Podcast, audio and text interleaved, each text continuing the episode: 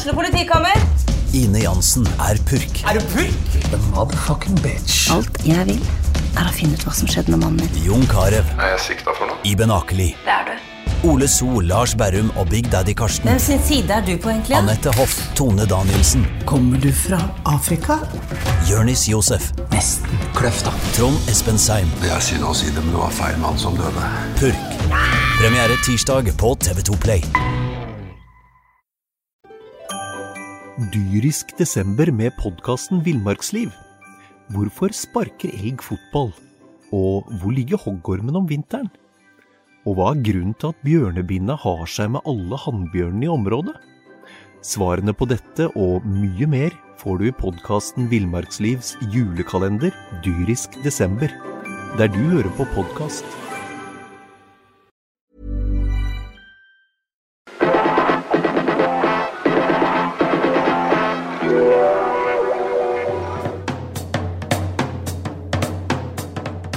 Sarpsborg Arbeiderblad gir deg en ny episode av SA-podden med Sven René Nygård, Øystein Weber, Petter Kalnes og Bjørn Inge Bingen Nilsen.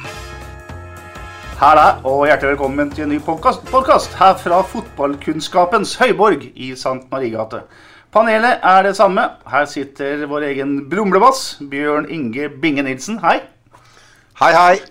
Vi har også poddens egen analytiker, Sven René Nygaard. God dag. God dag, god, eh, god kveld. Her er også vår egen lingvist. Vet du hva det er, Øystein? Ja, det vet jeg hva er. Det har noe med språk å gjøre. Jeg skal komme tilbake til det etterpå. Det dreier seg også litt om kroppsspråk. Altså jeg som er vitenskapelig og lidenskapelig opptatt av språk og tale, Øystein Weberg. Sjøl heter jeg fortsatt Petter Karlnes, og jeg er mer enn eh, nok fornøyd med å bli kalt ordensmann i denne gjengen. Velkommen til sending. Bingen, forrige gang vi var samla, på 16. mai, så var du grinete og sur og mente at Stare ikke fikk noe ut av prosjektet sitt her i Sarpsborg. Hvilken sinnsstemning er det nå etter 1-1 i Skien? Egentlig så går jeg inn i sending i dag med litt senka skuldre. og jeg, det, det var som forventa at det skulle bli en uavgjort i Skien. Så fort uh, motstanderlag skårer på oss, så sliter vi med å vinne kamper. Og det kommer vi til å slite med resten av sesongen eh, på måten vi da legger oss på, i hvert fall i annen omgang, når vi kjører en så god førsteomgang som vi gjør. Og til og med inn i annen omgang så kommer vi på overlapp med Boyang. Boyang spilte jo en prikkfri førsteomgang i samme smål, Jørgen, spør du meg. Men så er det som om vi skal da forsvare oss til seier og får blytung, blytung 25-30 minutter i andre omgang. Det siste vi husker, Svein Sven René, hva er din analyse av eh, kampen? Eh, Min analyse er en fantastisk brukbart bra borteomgang, første omgang. Hvor vi er det beste laget, hvor vi skaper flest sjanser, og hvor et Odd-lag som pleier å være gode på Skagerrak Arena, skaper ingenting. Og vi går til pause med en god følelse. Kommer ut den første 15 og er litt jevnere. Merker sånn sakte og rolig at Odd begynner å ja, komme høyere i banen. Vi faller lenger tilbake. Og eh, fra det, når det var igjen 25-30 minutter, så sa jeg til meg sjøl at nå, nå sliter vi, nå ligger vi for dypt. Så er spørsmålet om eh, det er beina, er det taktikken, eller er det bare det mentale? For det mentale er inne i bildet. Det, det, men da må man ha spilt fotball noe sjøl for å forstå. Når du er et lag som vi har pokka på ikke har vunnet på 16 kamper osv., og, så videre, og du endelig leder 1-0 på den vanskelige bortebane, så begynner man å bli redd for å miste det man har. Og det, Ingen av gutta vil det, men det sniker seg en sånn følelse. Litt mer panikk i alle klareringer osv. Men uh, det var skuffende annen omgang og en god førsteomgang. Det er min uh, fasit. Er det en mental øvelse dette her, Øystein?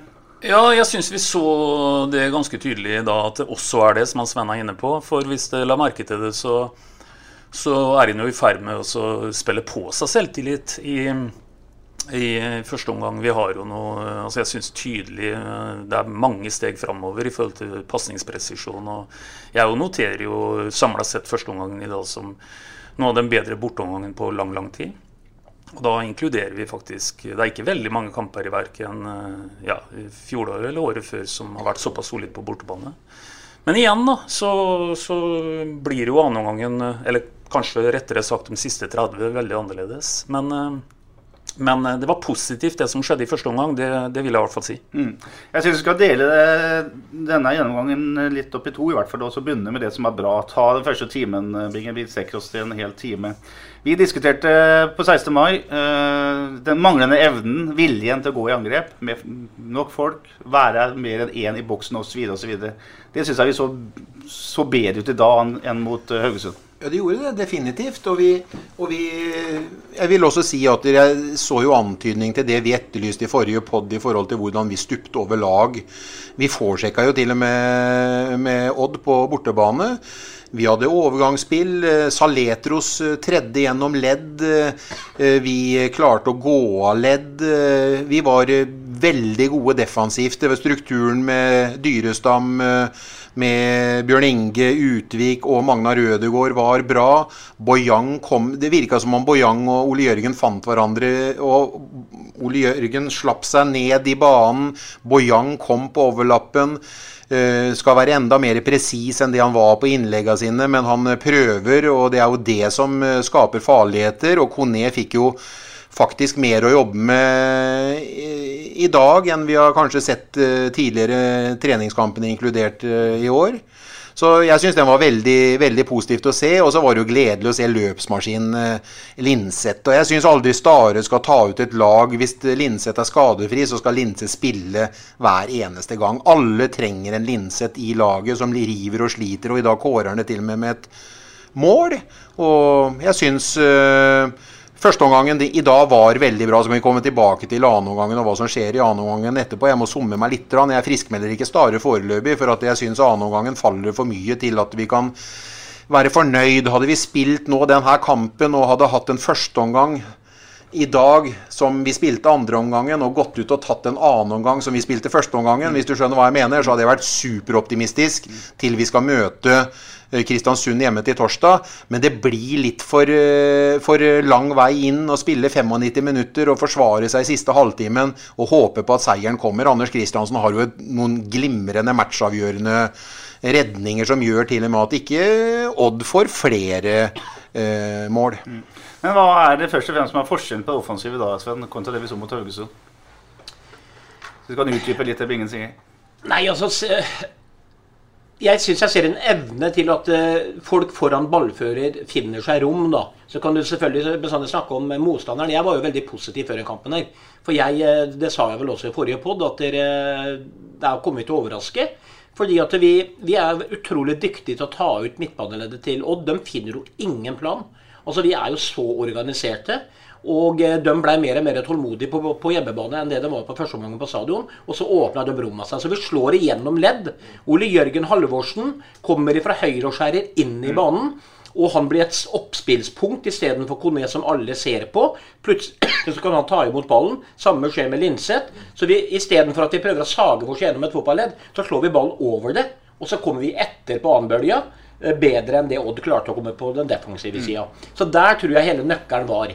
En helt annen bevegelse, en helt annen tru. Og jeg syns at 08-spillerne la ned utrolig mange meter i dag. Og så kan vi diskutere etterpå hva som gikk gærent til slutt. For man skårer jo alle mål liksom, hvis ikke man er på motstanderens banehalvdel. Det er jo liksom en, det første budet her. Og det var jo flere er det burgunderdrakter inne i feltet enn det var blå på, på Sarpsborg stadion om uh, mandagen, blir vel? Ja, det så vi tydelig. Det var mer det de kaller trafikk i boksen. Men jeg er også litt opptatt av for å holde litt tak i den der den duoen som egentlig var giftige, veldig giftig i første omgang. Ole Jørgen og Bojang. Så, så det, den kan brukes enda mer, naturligvis. For jeg skal ikke underslå det at det koster de løpene som Bojang gjør, men legg også merke til uh, angrep hvor egentlig ikke ting er riktig tima tilrettelaget. egentlig. Det er, lagt opp, uh, det er spilt opp en Ole Jørgen som er dyktig nok til å holde den ballen, og venter faktisk på at uh, Bojan kommer på farta si. Og, og, da skaper vi farligheter da han får komme ned til dørlinja.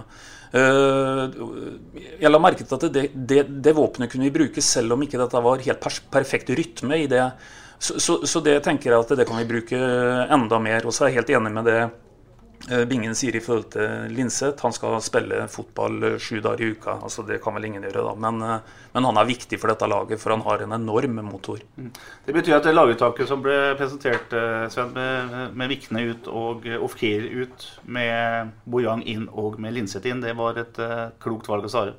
Ingen tvil. eh, Etterpåklokskapen så er det Jeg ville jo hatt med Linseth, som han Veberg sier, hver gang. Og han skulle vært med forrige gang òg, egentlig. Men jeg forsto tanken om at Kiel fikk starte pga. prestasjoner i forkant. Men eh, jeg må si at eh, jeg ble litt bergtatt også av Bojang i dag. Jeg syns han gjør mye klokere ting med ball. Han har mindre dumme, dårlige involveringer. Eh, kunne komme til legg en par ganger til osv. Men generelt så er det veldig bra.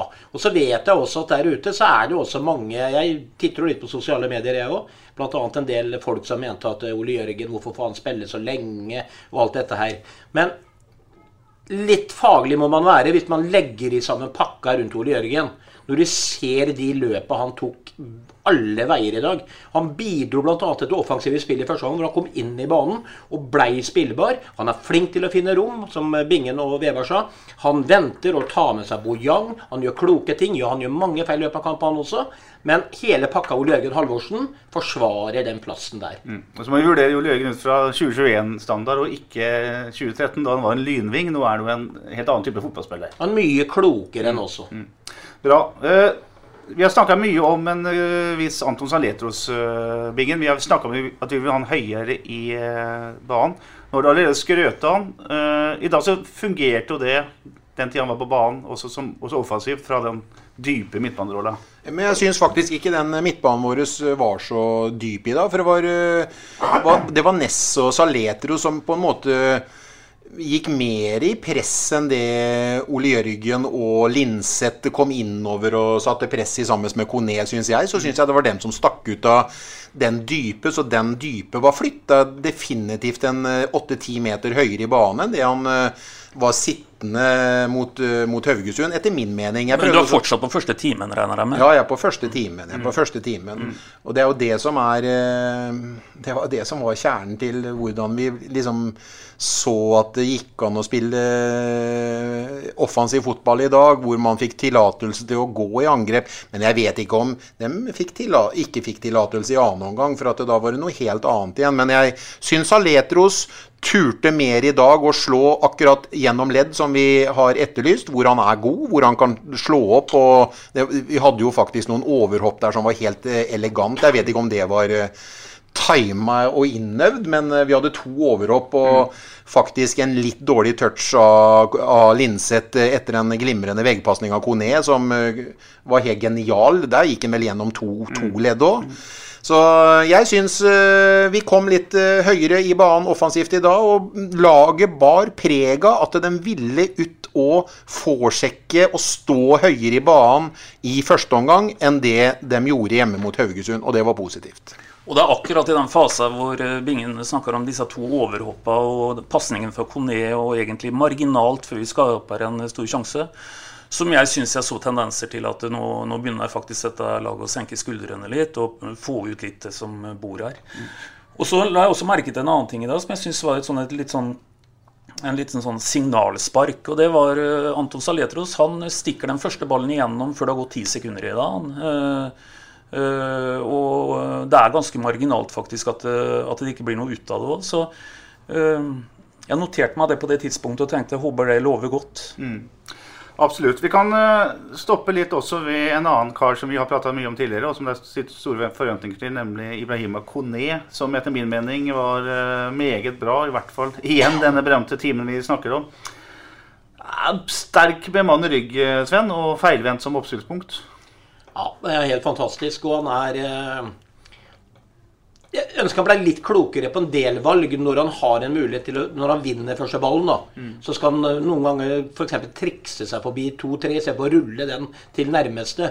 At han er litt klokere der. Og så, så savner jeg Jeg har liksom hørt om den kraftpakka nå, jeg har sett den litt, og han er utrolig spennende.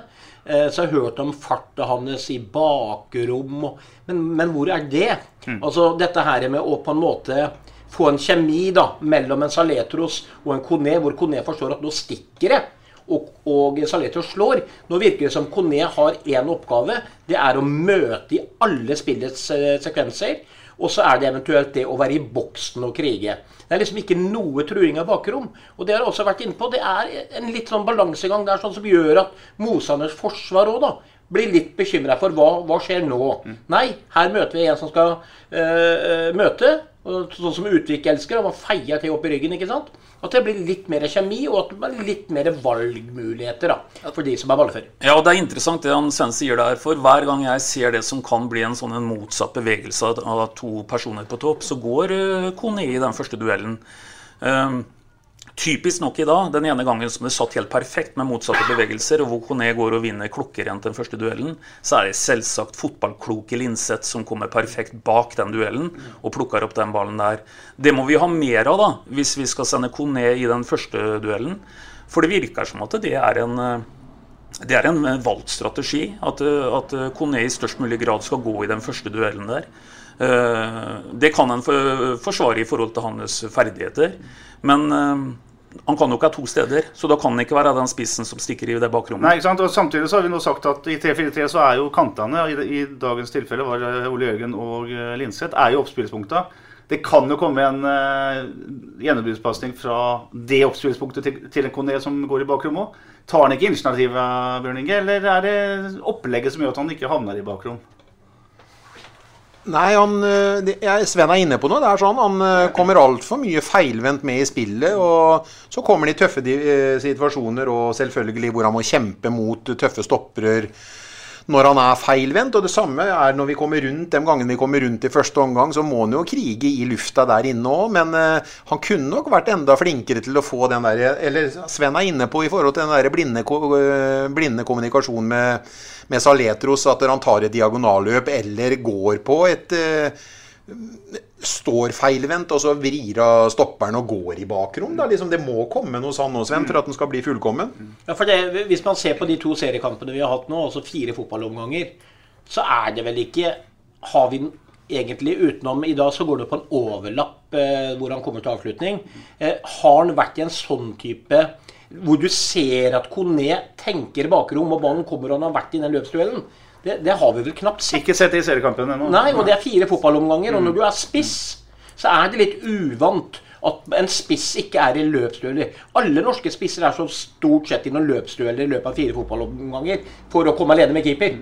Eh, og det har det, det har det vært litt av. Men tar ikke bort æren fra det han gjør. fordi at han har helt sikkert fått beskjed av Stare. Her han skal vi slå opp på. Han skal holde, holde, holde. Vi skal komme etter en annen bølge. Og der er han kanskje Norges beste. Men det, jeg skulle gjerne sett den motsatte bevegelsen også. Helt enig. Eh, etter I, I utgangspunktet så kan jo nesten enhver spiller gå igjen med et ledd og føre mot Kone, hvor Kone står med en stopper i ryggen. Altså kan jo han faktisk i forhold til den muskulaturen der sånn vria, vria den stopperen han. Og eh, være med på både å skape rom og ta initiativ sjøl for å komme i bakrom. Jeg ser ikke mye buløp fra han. Altså, Nei, prøver å komme nei, i bakrom. nei. Jeg ser ikke det. Nei, Det ser ikke ut som det er i planene. Og det tror jeg det, Jeg har en mistanke om det er ikke Kone sin skyld. For det er ikke sånn vi skal spille. Eh, og, og man må kanskje utvikle det litt grann, og gjøre et, en bakre firer eller en treer eller hva vi spiller mot. At de også må ta høyde for at det faktisk kan komme noen bak ryggen vår. Og ikke bare gå opp og gå i dueller. Så sånn sett så får jo Jan Frode Nordnes den kampen dit han vil. At han har han feilvendt hele tida. Hvis vi setter oss litt inn i Odds tanker i pause, kanskje. Må Ja, for ikke snakke om da, Petter, altså utover i annen omgang spesielt, når Odd har ball 70-30, og Odd står med sin bakre firer, eller kanskje en treer eller en toer, eh, fordi kantene har kommet, eller bekkene har kommet opp, så står de jo nesten på midtstreken. Og det er jo et hav å løpe på. Så hvis det løpet er tima, og man har en kjemi med ballfører i 08 der, som da tenker nesten skal jeg slå igjen og Kone, og Kone vet det, og, og juksestarta litt der, så skal jo han være såpass rask og sterk at du kommer av en eller likt med en motspiller, så er han borte, og så har han den muligheten. Så når han da begynner å møte midt inn på egen banehalvdel noen gang For jeg så han slo ut med armene også noen ganger. For når vi klarerte, så ville han ha ballen midt på egen banehalvdel med ryggen mot målet til Odd. Det er ikke bestandig en god løsning. Nei, jeg er helt enig, for han har faktisk en helt banehalvdel å løpe på. Ålreit, vi holder oss til det som er positivt, og det er etter 26 minutter, Øystein, så var det Jonathan Linseth. Og det kunne vært Kristoffer Sakariassen i gamle dager, nesten sagt. Det var et uh, sånn klassisk uh, Du har nevnt uh, Sven, at dette her er noe Jonathan Linseth er jævlig god på. Komme inn blindt, som vi kaller det. Bak en duell. og få kriga inn den ballen, sånn som Sakariassen også er veldig kjent for å gjøre. Ja, altså, jeg syns Linseth på mange måter, vi har snakka om det før, kan godt være en slags light-utgave av Kristoffer Sakariassen. Han synes syns sikkert ikke det Han lever helt sikkert godt med det. For det er klart at Doff er jo på et helt vanvittig nivå om dagen. Vi ser jo hva han gjør i Rosenborg. Mm. Men Linseth er en klok eh, spiller, og det er ikke tilfeldig at, eh, at det er han som kommer i posisjon og, og skårer et flott mål i dag. Han har gjort det tidligere, og han kommer til å gjøre det igjen. Og han er egentlig Det er ikke så kjempemange spillere faktisk i Eliteserien som er såpass målfarlig fra, fra den posisjonen hans. Innoverskrudd eh, innlegg. Eh, duellen som Kone selvfølgelig er i, da, og det som skjer bak den duellen, er helt avgjørende. Ja, altså, Det, det Vebjørn snakka om, som jeg også snakka om tidligere, er at det, altså, om man spiller indreløper, så kommer han på et dypt løp inn i boksen når det kommer et legg. Eh, Jf. Stabæk-kampen. Mm. Om han spiller venstre kant, så kommer han inn og gjør det han gjør i dag. På et dypt løp fra kanten. Og han var vel nesten på én og to ganger til. Og det er bare han i 08, bortsett fra Kone, da, som alle sikter på, som er der inne. Og han skaper så mye trafikk og så mye trøbbel for motstander at dere ah, Han er eh, kjernekar, altså kjernespiller. Og Den er vanskelig å forholde seg til Bjørningen, når det kommer folk i bevegelse. ikke sant? Det vet du som gammel keeper og jeg som gammel forsvarsspiller, at uh, folk i bevegelse, det er, uh, det er, vanskelig. Ja, og hvis det kommer flere bevegelser samtidig, så blir det jo enda verre. Så mer av det, og det syns jeg vi var flinke til i første omgang. Og første ti, kanskje første 15 Første ti kan jeg strekke meg til i annen omgang. Vi begynte å falle litt mer, men eh, vi var ikke så tydelige da eller som vi var i første omgang. Men jeg syns det var Wow! Jeg syns det var nesten Ai! Det var liksom sånn både uventa godt og deilig å se at vi, vi hadde det der faktisk inne. Og jeg, jeg mener jo fortsatt at uh, det går an å få mer ut av det mannskapet der. Absolutt. Tre minutter etter målet så kommer det vi, vi snakka om i stad, dette dobbelt uh, overhoppet. Altså Der er det pasning fra Saletros mot Ness, som bare hopper over ballen. Kommer Linseth, så bare slipper han mellom bena til Kone, som spiller tilbake til Linseth. Et, er et deilig, deilig Du husker den som holdt på sånn, Petter? Du som er ja, det er guttene våre. vet du, York, York og Cole. Ja. Ja, ja, ja. Uh, jeg har sett dem øve på det. Jeg har ikke sett det har vært to overhopp, men jeg har sett ett overhopp. at uh, Linseth slipper den til, til Kone f.eks. Synd at ikke Linseth får kontroll på ballen. Det er også et par-tre andre fine halvsjanser mot pause der, som gjør at det er jo en god optimisme hos oss som holder med Sarpsborg 80 pause. Øystein. Ja, rett og slett en god eh, borteomgang, som vi har sagt. Så da var det alle grunn til å være optimistiske. Men nå har vi jo også dessverre sett uh, kamper som har skifta karakter. Da. Så det er klart at uh, en er jo ikke på noen måte trygg på at uh, at det skal gå veien. Men for å analysere omgang for omgang, så er det helt umulig å ikke si at, at det første uh, var mange hakk eh, opp i forhold til mye av det vi har sett i det siste. Mm.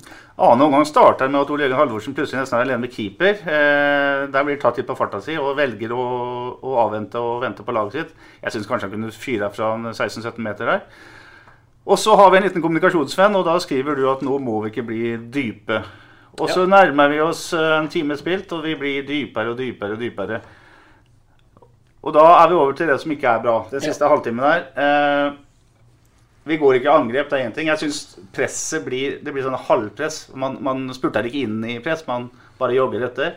Prøver å ligge i ramma, og Odd har ball hele tiden. Du sitter med en følelse av før eller siden så går dette gærent. Ja, jeg sendte den meldinga eh, til deg. Da skrev jeg med store jeg husker, husker jeg ordet Nå, med store bokstaver, blir vi dype. Mm. Og det var da jeg merka at nå er vi ute og kjører. Og så har vi en annen ting der som analyseapparatet til 08 garantert kommer til å se på. Eh, og jeg tror jeg har ganske rett i når jeg sier de heltmodige gutta bak hos oss, med Utvik, Ødegård og dem, de kriga og vant alt. De ble hedda ut i mellomrommet. Der var det 08-spillere, og der var det Odd-spillere. 70 minimum av alle dueller tapte vi, som igjen gjør at det kommer en ny bølge. Og det var så mange dueller hvor du så det var én mot én, ballen lå midt imellom dem, og det kom en hvit en ut. Og Der kunne vi fått pause, vi kunne kjørt overganger. Og det var ekstremt mange av de tilfellene. Så der tror jeg også det ligger en stor stor nøkkel. Ikke bare at vi falt der, men at ikke vi tok vare på de klareringene hvor vi var i dueller og gikk tapende ut av alle dem. Vi kommer til å snakke mye om Odd nå, men det er fortsatt to situasjoner i annen omgang som er veldig viktig å ta med seg. Den første er etter 57 minutter. Der Linseth, selvfølgelig Linseth, drar av en bekk og prøver å løfte den på bakkestolpe til Cornes som på åpent mål. Glimrende gjort av Linseth. Litt eh, for hard pasning, og så skyter Bojan via en eh, Men vet du hva, unnskyld avbryter nå, men det er den omgangens største målsjanse. Det er så bra utført, den chipen her.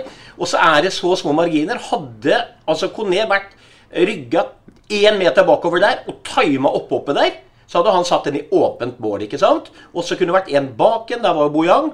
Altså, det, det, det var så marginer, og det var så bra utført.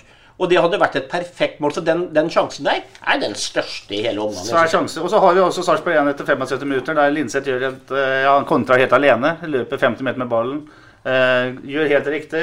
Utfordrer, slipper ballen i akkurat riktig tidspunkt. Og Kone skyter bra skudd i første hjørne der. Eh, Rossbakk, som ikke heter Einar-vingen, ved men Rossbakk gjør en glimrende benparade. Men det er, nå snakker jeg om det som har skjedd offensivt med Sarpsborg i annen omgang. Eh, for defensivt så får man større og større problemer. Men inntil målet så er jo faktisk de sånne halvdårlige forsvarsspillere for noen anledninger som, som, skaper store sjanser. Utvik har en tilbakeheading som er eh, livsfarlig. Og Ødegaard har en dårlig klarering som er livsfarlig. Ja, men jeg syns Sven er inne på noe. eh, For egentlig så skaper ikke Odd så fryktelig mange målsjanser i dag. De, de, de skaper noen, og, og, det er greit at de har en dobbeltsjanse. Der for øvrig keeperen vår gjør to glimrende inngripener. Men de, vi kan ikke telle dem som to sjanser i den forstand at du kan skåre to mål på det. Så det er ikke sånn voldsomt mange sjanser de produserer, men det blir enda verre enn det burde ha vært, pga. at når, når treeren bak, som Sven sier, og også de to på kant har falt ned. Uh, Berger unna kan du si førstebølga, så, så mista vi ballen for lett i neste omgang. Selv en Anton Saletros mista ballen hodeløst i midtbaneleddet midtveis i annen omgang i dag, som skaper en uh, stygg overgang uh, mot oss. Så det er det at vi får ikke Vi får aldri fred. Du får lov til å slå utallige baller inn i feltet, Bingen. Altså inn, inn i, foran Anders Ja, vi satser jo er vi tilbake, nå, er, nå er vi liksom i siste halvtimen, eller? Ja, det er jo helt og det å legge så store bør på skuldrene til Forsvaret at Utvik og Magnar og Dyrestam i ett sett skal holde på der og klarere, og Anders Kristiansen skal gjøre gå ut i stjerne og gjøre feberredninger. Altså, vi legger oss så dype, og hver gang det blir klarering, så blir det klarering på klarering. Vi klarer jo ikke å ta vare på ballen en eneste gang, som Sven var inne i stad. Og være dyktig og prøve å få overgang og komme med dypt løp fra, fra midtbane og gjennom. Det er jo ikke i nærheten, for da står Odd Dyrisk desember med podkasten Villmarksliv. Hvorfor sparker elg fotball? Og hvor ligger hoggormen om vinteren? Og hva er grunnen til at bjørnebinna har seg med alle hannbjørnene i området? Svarene på dette og mye mer får du i podkasten Villmarkslivs julekalender Dyrisk desember, der du hører på podkast. høyt, altså. Med, den, med litt nøyaktighet når Utvik og Magnar, Utvik spesielt og Dyrestam og Magnar bryter med, på huet, på huet, på huet, på huet, sånn som de gjør. Til slutt så må det gå som det gjør, vet du, at de får et mål ut av det. Vi spiller jo vi, Jeg hører jo Stare roper 'teit, teit, teit', teit, roper han hele Vi hører jo det, Jeg vet ikke hvor mange det var på tribunen i Null. Null, ja. Og du må jo høre det Stare sier. Og hva er han mener med 'tight, tight, tight'? Da skal han vel ha en, en, en femmer og en firer, da, som helt kompakte defensivt innafor sin egen 30 meter. Og så skal Koner være foran dem igjen og lukte. Og hvis han erobrer ballen da, så skal han ha borti 90 meter er det 120 meter en bane her? Da skal han ha 90 meter opp til Rossbakk i Odd-målet. Og det er egentlig Da lager du ris til egen ræv, rett og slett. Og det, det, det irriterer meg så jævlig at vi da igjen bare får uavgjort. Men det er egentlig helt som fortjent for Anders Kristiansen. Det må ikke, mens Einar Rossbakk Eller han Hva heter han sønnen igjen, da? Og nå står det stille på hele gjengen. Ja,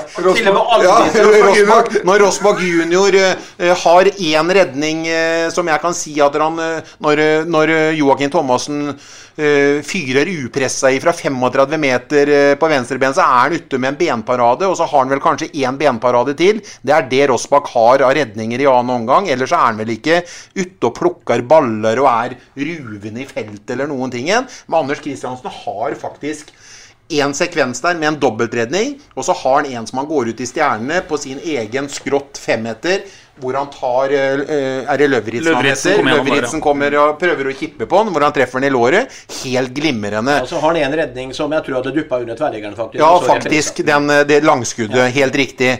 Så eh, dem kunne Egentlig hadde vi sagt at vi hadde tapt 3-1 ut ifra hvordan annenomgangen utvikla seg. Så hadde det på en måte vært litt greit. Men det er klart det er ekstra bittert når vi holder eh, 1-0 til det 92. 93. minutt. Men du mener altså at Stare utelukkende konsentrerer seg og konse- konsentrerer laget sitt om forsvarsspill? Gjør gjør ikke noen grep med ballen? Ja, åpenbart så er det jo helt klart at de Jeg vet ikke hva tight betyr på svensk eller eh, engelsk eller norsk, ja, men eh, det, da skal du ligge tight i ledda, da, eller? Ja, da er jeg det er sånn jeg oppfatter det, i hvert fall. Og når han roper det, så Ja, da får vi jo være tight, da. For du har jo to grep her, Sven. eh, som vi skal tenke hva du kan gjøre med ballen. Det ene er jo forsøke å holde ball i laget, rett og slett. Eh, med å gjøre det du skal spille et vanlig spill. Holde ball i laget. Det andre det er jo å satse på ordentlige bakromsløp. Få dratt laget, som du nevnte i stad. Eh, det vi opplever her, er at Kone står midt på egen eh, banehalvdel. Når Rashid kommer inn, så flyr han og møter og, og dribler han. Og... Hadde ikke det vært en løsning tidligere her, med Rashid inn og så kjørt utelukkende bakrom? Først skal jeg bare si det at der, i forhold til eh, løsning, så tror jeg løsningen ligger mye i det jeg sa litt tidligere. Det var det med at vi taper, taper alle de 50-50-duellene ja, etter klarering. Fordi at Vi kan jo ikke kjøre overgang når vi taper den, for da kommer det en ny. Men hadde vi kunnet vinne i noen av de ballene der, så hadde vi hatt et hav av rom til å stikke av gårde med en Linseth som, som den situasjonen i stad hvor han dansa mellom tre kall. Da vinner vi jo ballen på egen ballandel. Klarer å spille opp av han. Han setter fart med ball i beina. Men vi, vi, vi vant jo ingen av dem. Så alt gikk tilbake i annenbølge. Og når du kommer inn på Rashad Så vet du hva? Jeg, jeg gidder knapt mer jeg, altså, å se på, for jeg, jeg blir så skuffa. Altså, altså, min mentalitet som idrettsutøver før, det var å gå ut og gi alt for laget. Og sånn som jeg ser det innhoppet der For det første kroppsspråk når han kommer ut på. Han, eh, hvilke valg han tar. Eh, ikke smiler han. Det er ingenting som forteller kameratene at 'jeg har lyst til å være med her og bidra'. Så får vi unnskyld uttrykket faen meg frispark på slutten der. Hvor han steller seg opp og skal leke Messi. Når vi har to andre frisparkskyttere som kan vinne den fotballkampen for oss. Og jeg ser jo Ness begynner å vifte ut til sin egen trener. Hva skjer? Han ville jo ikke flytte seg før han sikkert eh, forsto det etter hvert. da. Men nei, vet du hva? Den utstrålinga, de valga han tar eh, Nei, ikke Rashan. De visste hva de fikk, de fikk tilbake Rashan. De uh, henta han tilbake. Eh, klarer de ikke å håndtere typen? Er han ikke nok A4? Jeg satt jo her i poden og sa at jeg ville brukt den hva, hva sa jeg, sju dager i uka. Til åtte av sju dager, tror jeg. Så åtte av sju dager, ja, ville jeg brukt den. Nei, Sven eh, er jo inne på det her, og det er jo egentlig den store kalde elefanten i rommet, dette her med, med hva skjer med Rashad Mohammed. eh, For dette må jo kommenteres. Altså Det er en bok som heter 'Kunsten å lese kroppsspråk'. Den bør du ikke kjøpe for å skjønne at, eh, at det her er interne ting. Og den frisparksituasjonen på, på overtid der hvor, hvor eh, Ness prøver å kommunisere med Rashad, og Rashad ser ikke bort på Ness i hele tatt og blir stående der og bare se foran seg. Og han skal jo ikke stå i den situasjonen heller. Det er åpenbart avtalt at det er jo ikke Rashad som skal ta det frisparket. Men er det noen kamp da som hadde skreket etter et tidligere bytte av en type Rashad, for å nettopp prøve oss å ha et mottrekk til at vi ikke skulle bli kjørt dypere og dypere og dypere av Odd, så var jo det kampen i dag. Så det, ja. dette her skjønner jeg ikke noe av, Petter, og, og det, det, det må vi på en måte finne ut av. For, for dette her er, eh, dette er ikke bra. Og det som er helt overlegent, når han gjør da Mikke Stare gjør uh, to byter da, i, i andre omgang. ja. Så eh, tar han ut da Kone, midtspiss. Og så tar han ut Linseth mot venstre. Så istedenfor å sette inn Skålevik, som er eh, da spissen mot eh, Jeg regner med han var på benken i dag, eller? Ja.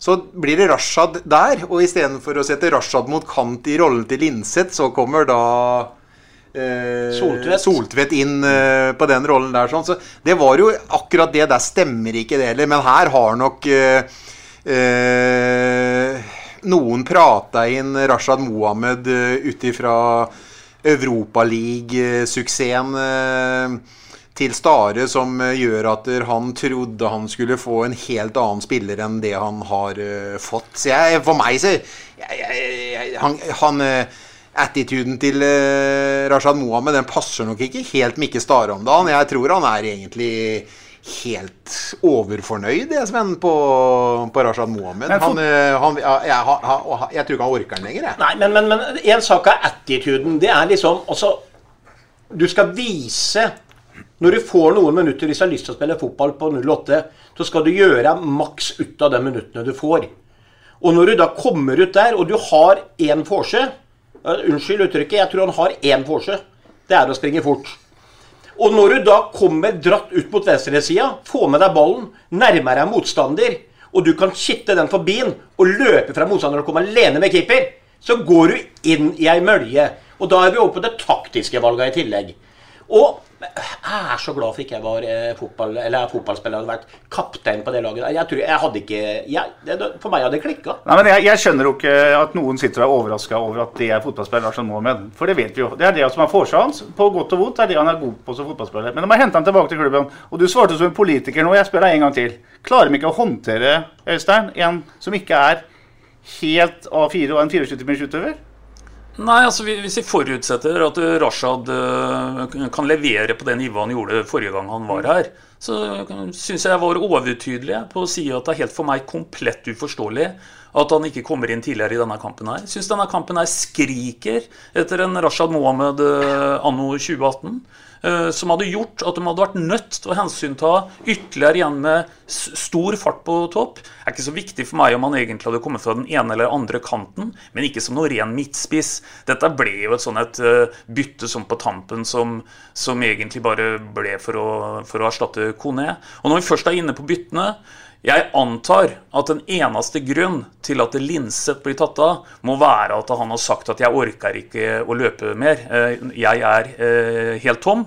For, for eh, ja, alt annet vil forundre meg veldig, i hvert Ja, men Det må det jo være. Ja. For det er eneste 08-spilleren som kunne kjørt en overgang mens de ligger inne i vår 16-meter. Ja, Se hva Linseth gjør da han spiller opp Kone og produserer eh, Kone. Og produserer en av de få sjansene vi gjør på siste halvdel av, av annen omgang. Det gjør jo Linseth helt alene. Han drar seg jo gjennom, og motoren er jo intakt. Og han slipper den helt eh, perfekt til Kone som avslutter.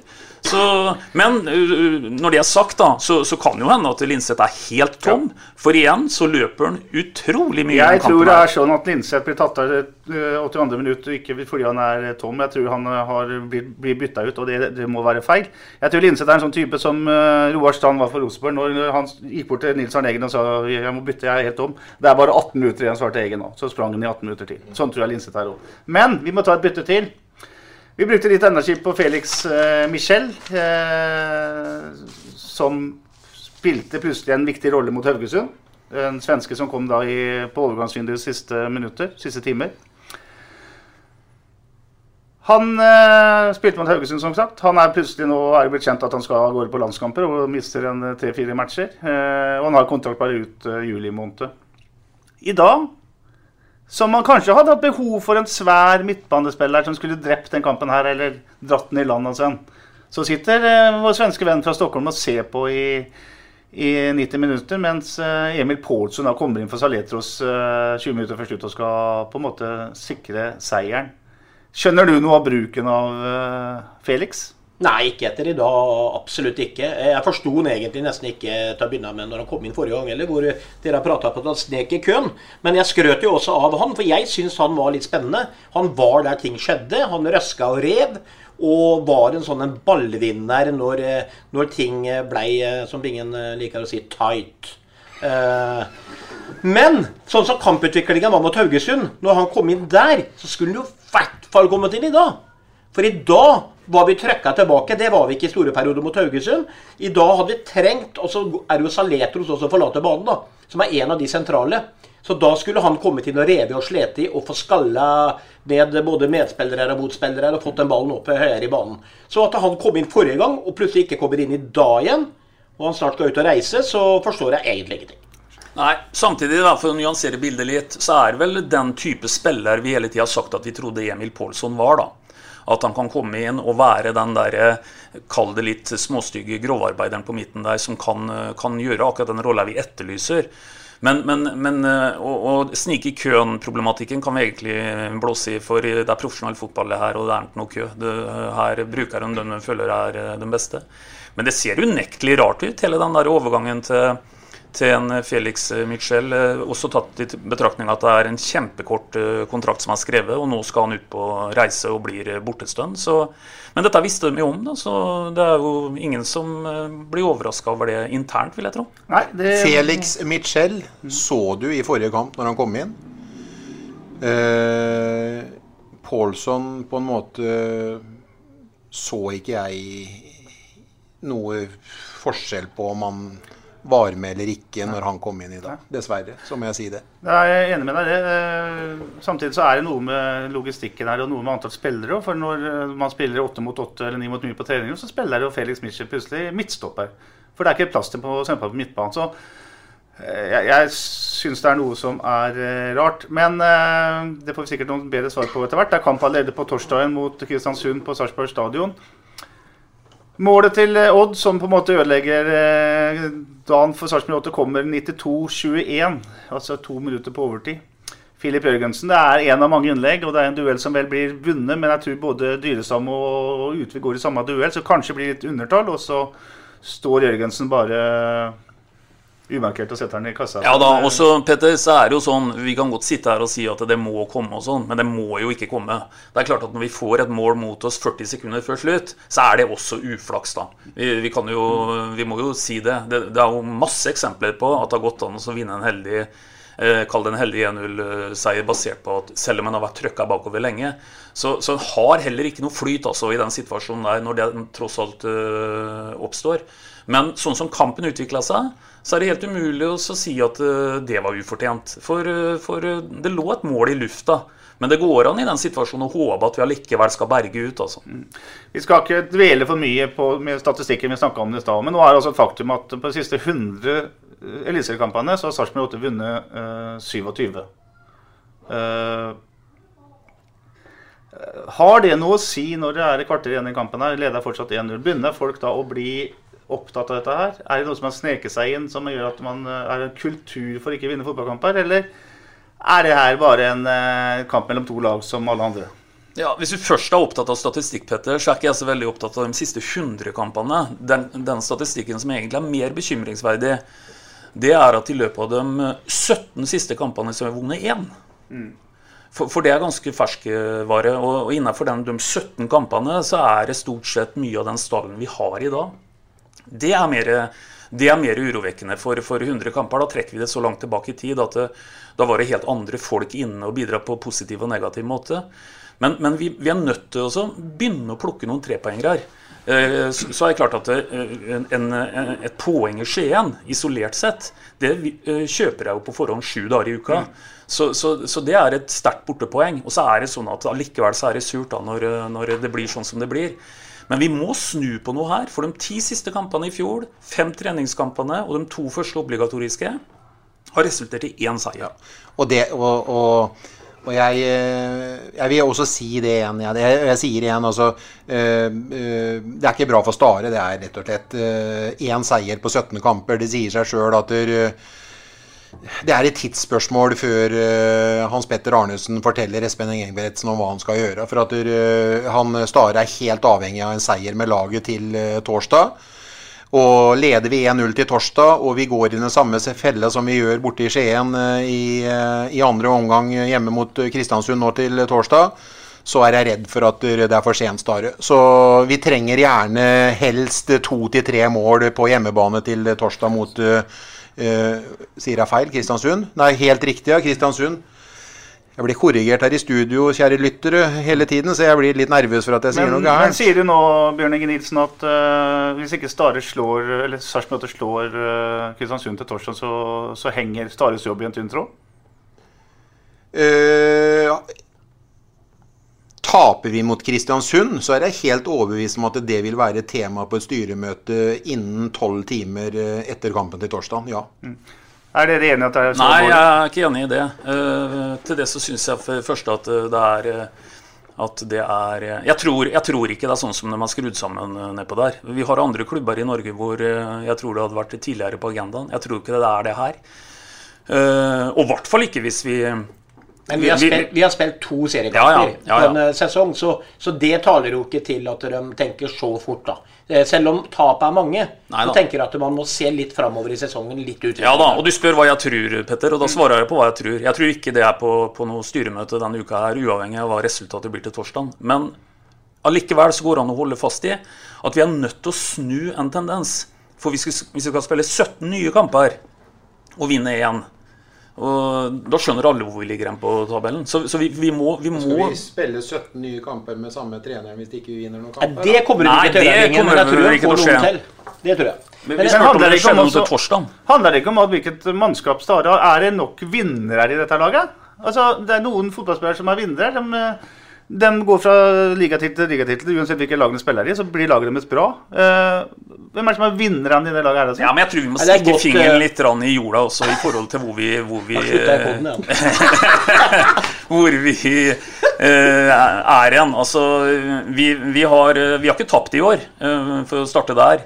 Eh, vi vi åpna med fem tap i fjor. Så, og vi har jo diskutert hvor vi tror vi skal havne til slutt her. Og er vel alle enige nå i år at, eh, at eh, vi er godt fornøyd hvis vi, vi havner- sånn eh, Ja, jeg er i hvert fall godt fornøyd med en tiendeplass for å kaste fram det. Og da er vi jo for så vidt i rute. da. Jeg kom, jeg kom aldri til, Petter, men det jeg hadde tenkt å si i stad, var at jeg skulle prøve å være den eneste som svarte på spørsmålet ditt. Jeg tror du spurte noe om det hadde noe med det mentale å gjøre. Når man håper å si, leder fotballkamper, og det nærmer seg slutten.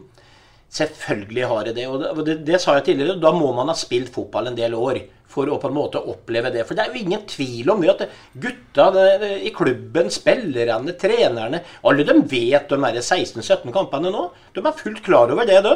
Og når de endelig da leder 1-0 borte mot et Odd på Skagerrak, som normalt sett i hvert fall før i tida var nesten uslåelig der, så begynner det å snike seg inn følelser. At da får vi gjøre det enkelt. Vi får få vekk den jævla ballen. Så videre og så blir det klarering på klarering på klarering. Og så blir du mer og mer redd. Og du så jo det. Altså Thomassen og Bojang og de traff jo faen meg nede i elva nede i Skien på noen klareringer der. For liksom få den lengst mulig vekk. Det var ikke noe kyla igjen. Og der, den mentale, den er til stede. Og den takla de dårlig da, men jeg står fortsatt på det. Guttene bak var heroiske. De vant de duellene de skulle gjøre. Men hva gjorde vi med annenbollen? Den 50-50-duellen tapte vi hver eneste gang. Hadde vi vunnet halvparten flere av dem, så hadde vi ikke tapt den fotballkampen i dag. Da tror jeg vi hadde gått opp i 2-0. Og så kan vi slå fast eh, at eh, serieåpninga i 2021 er langt bedre enn fjorårets. eh, Stein. Ja, det kan vi. Og så er to, Sven har jo sagt det at du får akkurat like mange poeng og tape to og vinne én, som også eventuelt spille tre uavgjorte, da, som kanskje vi har etter tredje kampen, for alt jeg vet. Så det er klart at det uavgjorte her, det holder ikke sånn i lengden. Men, eh, men eh, igjen eh, Et bortepoeng i Skien, det, det er i hvert fall isolert sett noe vi kan ta med oss. Superfornøyd med et bortepoeng i Skien. Det tar vi alle dager i uka. Men ikke når vi spiller så jævla god førsteomgang som vi gjør, og ramler så ille i annen omgang. Da er det noe som ikke er Det, det stemmer ikke helt. Nei da, vi prøver å peke på noen årsaker til det, Bingen. Men da, Hva mistenker du blir sagt i garderoben her, Bingen? For du antyder jo nå at det er ikke bare spillerne som ikke gjør eh, jobben sin, at det, men også hva de får beskjed om. da. Ja, men eh, jeg, jeg går jo sterkt ut ifra at de får beskjed om at vi skal prøve å ri den ledelsen her eh, inn, og så vil vi få en kontring eller to i løpet av annen omgang, hvor vi må være nøyaktig. Da skal vi drepe kampen. Det er jeg helt overbevist om, men jeg er helt sikker på at det er mer fokus på det defensive enn det er på det offensive. Men Tror du de sitter i pausabingen og sier at vi skal prøve å ri oss inn på en er ingen dem som sitter i pausa. Det er han som forteller dem hva de skal gjøre ja, ja, men i jeg snakker, jeg snakker om han. Tror du han sitter i pausa og sier at nå skal vi prøve å ri på en eh, 1-0-ledelse hele annen omgang? Nei, ja, de skal være defensive, de skal være kompakte, de skal være tighte, som vi hører han roper. Og de skal stikke når de har mulighet til å stikke. Og de er sikre på at de kommer til å få en overgang eller to i, eh, i annen omgang, som de skal utnytte bedre enn det de klarte, da. Ja, jeg, Det jeg syns taler litt mot den analysa, da, det er at eh, da kunne han egentlig vært enda mer defensivt orientert før kampen setter i gang. For 0-0 i Skien ville også vært et bra resultat når kampen eh, åpner. Men, men vi fremstår helt annerledes i første omgang og styrer i perioder i kampen og produserer mye og spiller til dels bra fotball. Så jeg tror, som Sven er inne på, at dette sitter veldig mye mer mellom eh, øra enn eh, i hvert fall noen der nede har greit å være den forløsende faktoren på så langt. da. Mm. Og da kan vi kanskje eh, oppfordre den mentale treneren til å komme seg på jobb, da. Ja, jeg antar at det der må det være full fyr i teltet. Jeg syns Veberg er blek, jeg nå. Det er eh, helt, eh, helt klart at det her er andre ting enn som er direktivene Ja, han er, ja, ja, det er han. Men det er direktivene i pausa som er avgjørende for, for matchen her. Det- Det er min mening. Som trenersvenn er det vanskelig å si til spillerne sine dere leder 1-0, gå ut og fortsette å angripe. Er det vanskelig? Jeg hører hva Bingen sier. Eh, hvis om atter eh, han i garderoben i pausa eh, Det er jo hvordan man selvfølgelig formulerer seg også, da. Men hvis han går og sier der at eh, nå skal vi vinne 1-0, vi skal ikke ta én sjanse, og vi skal være defensive i huet og være tighte, som Bingen sier, så tror jeg det er så mange sterke fotballpersonligheter og gutter som har lyst til å spille fotball, at det går ikke i lang tid. Eh, Det tror jeg ikke, tror jeg ikke alle spillerne kjøper. Eh, At du skal bare forsvare deg. Men at han har tenkt tanken å snakke litt rundt Ta færre sjanser offensivt, stikke mindre ut på løp, være i boksen hvis vi taper ball og sånn, den kan selvfølgelig være til stede. Men da er det tilbake til det jeg har sagt. Risiko, prøve. For det er klart, det hadde vært mye lettere å skapt offensiv trøbbel for eh, Odd i annen omgang enn i første omgang, sånn som de sto med laget. Så hadde vi hatt en Kyle, vunnet dueller, tredje sammen en Linseth, eh, kommet på løp på motsatt side, så hadde vi vært i overtall ved flere anledninger. Og det verken turte eller fikk vi ikke til. Poddens overtid. I overtid så skal vi skifte litt grann, eh, tema. Jeg skal ta utgangspunkt i en uh, fotballklubb i England som jeg skal starte litt, med, litt grann med. I, siden 1937, det er altså 84 år siden, så har Manchester United hatt egenutviklede spillere. En fra sitt eget akademi, som heter, altså det som vi kalte for ungdomsavdelingen før i tida. I kamptroppen i hver kamp. I hver eneste fotballkamp så har det altså vært en egenutvikla spiller i kamptroppen. Det her er en del av klubbens kultur, og fansene bare elsker det. Elsker at det kommer spillere som har utvikla det United Way, som det heter. Det spiller ingen rolle hvilken manager som sitter på toppen, og hva han eventuelt mener. Ungdommen skal opp og fram. Dette har selvfølgelig ingenting med Sarpsborg 8 å gjøre, men vi kan konstatere at ungdomslinja, det å gi unge, uferdige spillere tid på laget, på trening, på benken, ikke akkurat vært fremtredende de siste årene på Sarpsborg stadion. Det har også utvikling, utviklingssjefen i klubben, Erland Johnsen, han som er sjefen til bl.a. guttelagstrener Sander Solberg og juniorlagstrener André Bergelmo, merket seg. Og til SA så går han langt i å etterlyse en annen kultur og et annet satsingsnivå når det gjelder det å få fram unge spillere i Sarpsborg 08. Vi begynner med deg, Øystein. Eh, hva tenker du om dette? her? Er det nedprioritert eh, ting i Sarpsborg 08? Eller er det rett og slett sånn at det ikke er nok unge talenter i distriktet vårt? Altså Det er litt avhengig av hvem du spør. Eh, Jeg er jo helt sikker på at noen vil svare at eh, hvis de ikke sitter på benken, så er det for at de ikke er gode nok til å sitte på benken. Jeg blir ikke veldig overraska over, det- utspillet til Erland. Jeg hadde blitt overraska hvis Erland ikke hadde hatt det utspillet. For, for her snakka vi om at eh, her har folk forskjellige roller. Og, og Erland vil jo naturligvis ikke snakke ned sitt eget, eget produkt. Så jeg skjønner veldig godt hva han sier. Men for å prøve å være litt sånn dommer i forhold til det, da, så er det jo et tankekors, det du, det du sier. At uh, ja, Det kom jo nylig også fram en statistikk som viste svart på hvitt at vi spilte med den, el den eldste elveren i, i landet i forrige serierunde. Uh, vi må henge med på den, den foryngelsen vi som alle andre klubber må henge med på. Og så er det antagelig også veldig god økonomi i det. Så, så jeg vet ikke om det var svar på spørsmålet, men vi må bli bedre på det området. Og det må materialisere seg i at folk får enten spilletid eller i det minste sitter i en kamptropp. Mm. Bare følge opp uh, det du sier. Er det ikke sånn at det er ganske sterkt av en utviklingssjef å, å, gå ut sånn som man gjør? Det er ikke sånn voldsomme sterke ord. Man sier det mellom linjene òg. Sier det noe om at det er litt ubalanse i klubben? Ja, Det vet jeg ikke. Det jeg føler han sier mellom linjene, er at jeg gjør en ålreit jobb. Mm. Og, og så, så, så, Derfor ble jeg ikke noe Jeg, jeg tenker litt sånn, ja, Petter, at uh, hvis du liksom ville som liksom journalist oppsøkt, kall det uh, potensielle konflikters episenter, så ligger det midt imellom en hovedtrener og en utviklingsansvarlig og kanskje en sportssjef og osv. osv. For der vil det være gnisninger. Det, det, ligger litt sånn i sakens eh, natur. Men uh, jeg er helt sikker på at vi må bli bedre på området. Men Bingen, det er noe som heter at er du god nok, er du gammel nok? Noen vil hevde at du må være forbaska god, og ikke bare gammel nok, for å få muligheten hvis du er en lokal gutt i Sarpsborg 8. Det kan eh, være. Men jeg har lyst til å si, ta, ta litt, eh, snakke litt om du, du, du, nevnte jo en herlig historie som starta i 1937. Mm. Hvor det sitter i veggene, og hvor eh, alle managere blir ansatt på den premissene.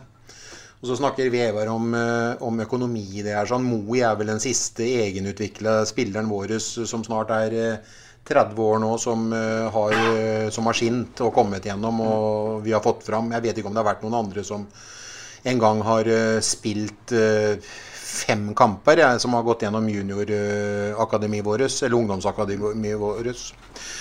Eh, det som er eh, saken, er at skal det være sånn som Manchester United har det, så må det jo være sterke direktiver.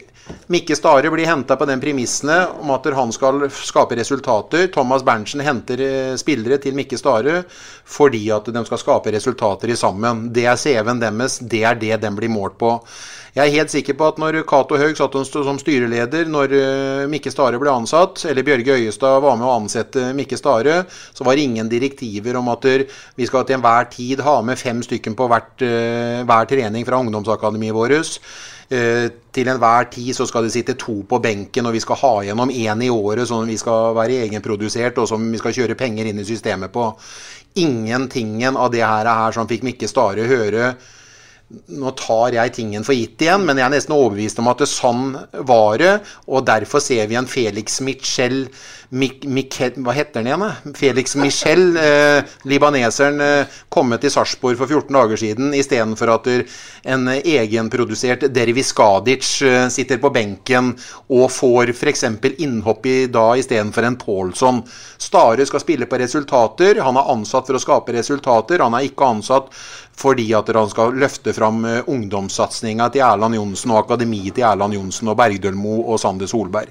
Det er mitt svar på det. For det du sier, at det er klubben som bestemmer, og ikke, ikke f.eks. treneren som til sitter på toppen? Direktivene må være sterkere ved ansettelsene av trenere eh, i framtiden enn det som var tilfellet med Stare. Jeg, eh, da hadde, da hadde Dirviskadic spilt, og Felix Michel hadde aldri blitt henta, og Paulsson hadde vært ankeret. Eh, som eh, Det var liksom han vi hadde tro på når vi henta kaptein til Sandefjord i, i, vinter. Så var det han som skulle være den som skulle spille i den posisjonen. Og Dervis Skader skulle være den egenproduserte som skulle få sitte på benken, lukte på det i garderoben, komme inn fem minutter, ikke komme inn i hele tatt, komme inn kvarter neste gang osv. Så sånn utvikler du spillere. Hvis ikke noen, hvis ikke du får prøvd deg, hvis ikke du får spilt, hvis ikke du får uh, ja, da får du aldri utvikla deg heller. Rett og slett så enkelt er det. Mm. Du har helt rett i at Moe er den som har gått hele veien. Det vil nok også hevde at Jørgen Sand Larsen gikk en lang vei. For han kom hit som når han starta på videregående skole. Er det 15 år eller 14 år? 15 år? Ja. Sven, du har snakka om eh, bredde i troppen. Jeg vet du gløder litt for det. og du har sagt det mange ganger allerede. Er vi ikke litt inne i kjerna av problematikken her? At man henter breddespillere, fullt heltidsproffer utenfra, eh, som tar opp plasser i troppen, ikke nødvendigvis er på laget, og så kommer ikke ungdommene unna herfra? Kan ikke så mye om direktiver som Bingen, men eh, det er en annen sak. Vet du hva, Det har snakka om så mye, Petter. Eh, jeg mener at politikken må gjøres om. Det er, en av grunnene til at de her unggutta våre ikke får sitte på den benken osv. Fordi vi henter en bredde, og vi henter så mye fotballspillere som igjen gjør Altså, de, de, de har full jobb i klubben. De har, det er utgifter på utgifter på utgifter. Mange av dem spiller svært lite. Der kunne de unggutta våre rykka opp. Hent færre fotballspillere til 08. Hent større kvalitet på de pengene som blir til overs. Og kommer det noen skader, ja, så må de unge gutta våre fram og vise seg fram. Men nå må de må kjøre slalåm for å kunne klare å komme seg bort til den benken. Bra. Ingen skal tas for å ikke være engasjerte. Og nå er blodtrykket så høyt så jeg tror vi gir oss. Sven René Nygaard, Bjørn Inge Nilsen Bare vent og litt, Øystein Petter. Øystein For jeg hørte en, det kom en oppsiktsvekkende nyhet like før vi gikk på sending her. For da, da vet jeg at du spurte Bingen om uh, hva er det du har tenkt å åpne med å si da. Og da fant vi faktisk ut at uh, hva som kommer ut av munnen på Bingen helt spontant til å begynne med, det var Sven usikker på. Det var du, Petter, usikker på. Jeg var usikker på det. Men det som var det nye, det er at det var Bingen usikker på sjøl. Så han, han var rett og slett Han åpner munnen, og så vet han ikke helt faktisk hva som kommer ut. Så hvis det altså. hjelper, så er jeg fortsatt usikker. Ja. Jeg er ikke sikker. Men eh, han uh, har iallfall innrømt at han ikke forbereder seg. Jeg hadde jo nå forberedt en knakende god avslutning, som du ødela. Så takk skal du ha. Vær så vi prekes prekas igjen etter kampen mot uh, Kristiansund til torsdag. Prekes! Vi prekes! Prekas. SA-podden presenteres av Fleksi. Regnskap med et smil.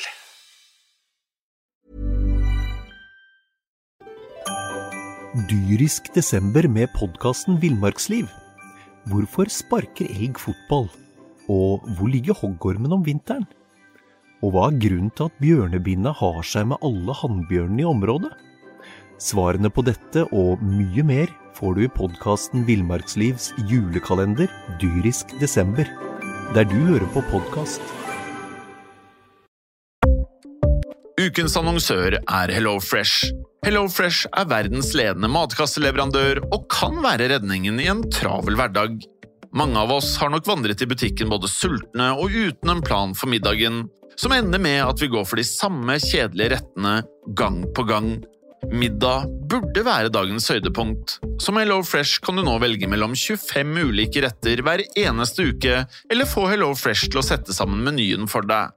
Dette gir deg muligheten til å prøve nye og spennende retter alene eller sammen med familien.